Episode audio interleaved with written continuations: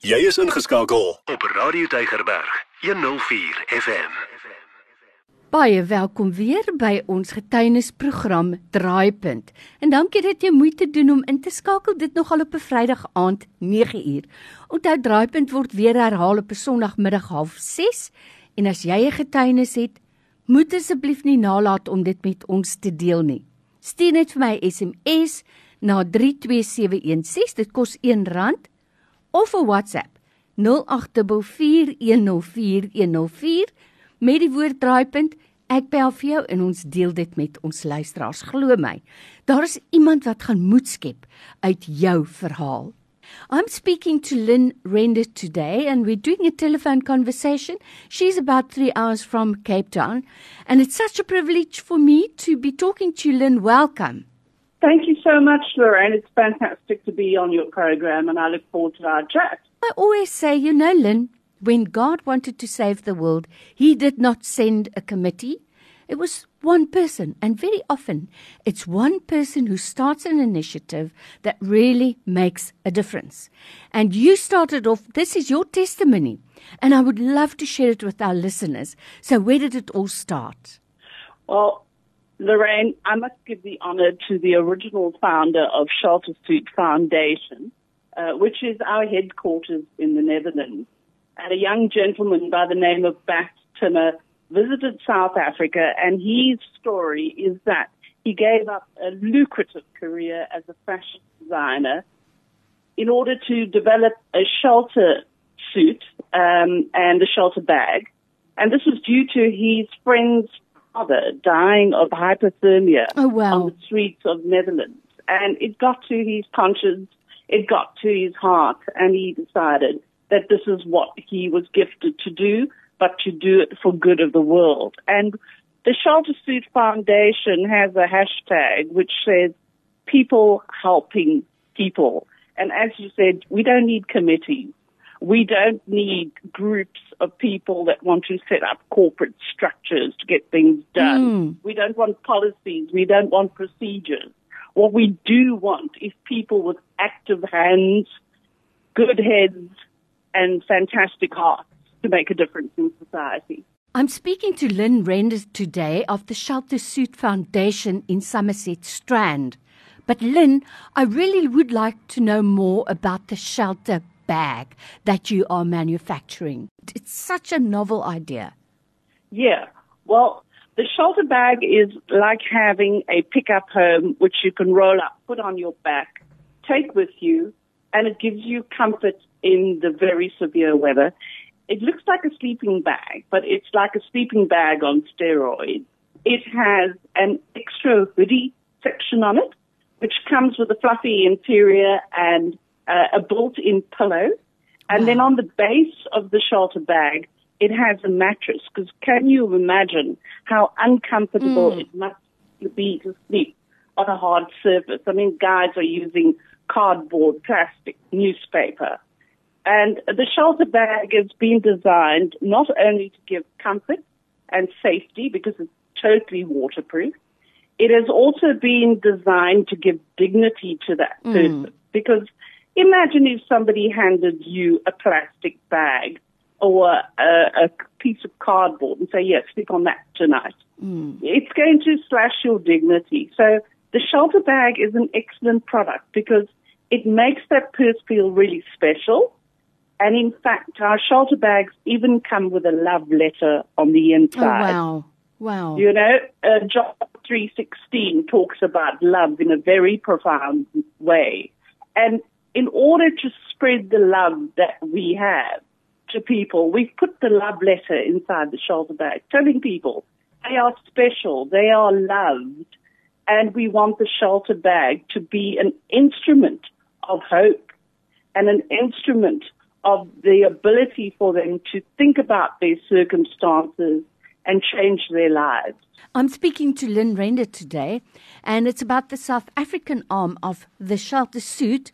And we're talking to you about the shelter bag. Lyn, if there's someone who would like to get involved or who would like to, how does one go about getting information? Well, it is fantastic when we get visitors to our studio which is based in the Strand at 196 Main Road, Strand. And visitors, when they come and visit us there, they are absolutely amazed by the combination of goodness coming out of what we do.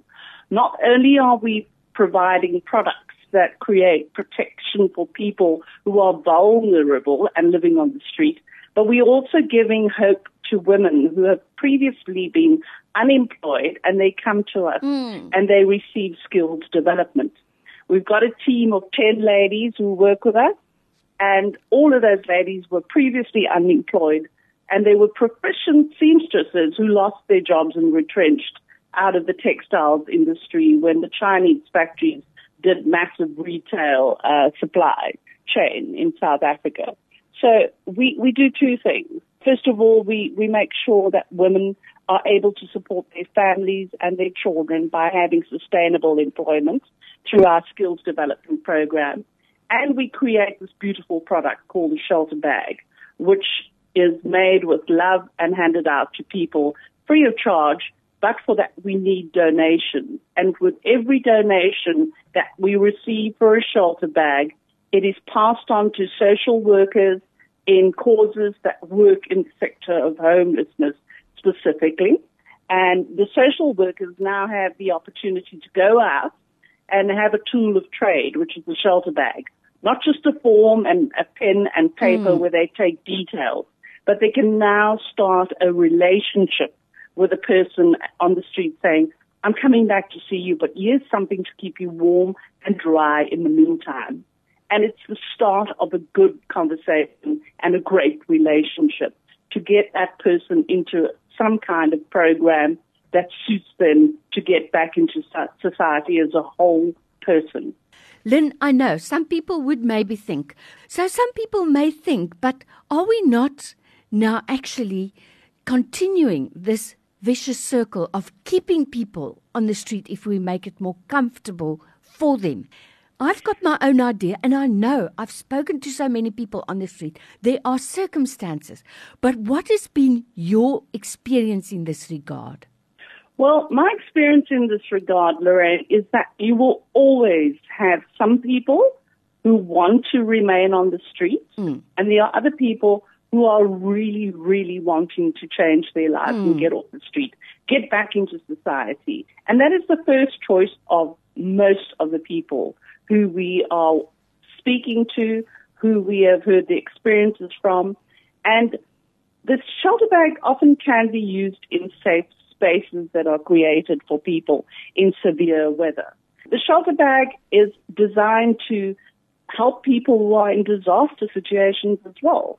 For example, there was massive uh, need for shelter bags in the Ukraine, and we managed to send a shipment to Wow. Ukraine to help people who have left uh, homeless uh, during the war.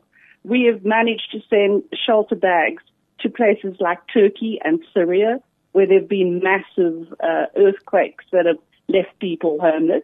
Just uh, two days ago, we heard of the massive homelessness in eight villages oh. around Ukraine after a dam wall burst and flooded eight villages. So our product is for disaster situations where people have an immediate, desperate need, and it's also for people who are willing to change their lives and be rehabilitated. And that assessment we leave up to the social workers.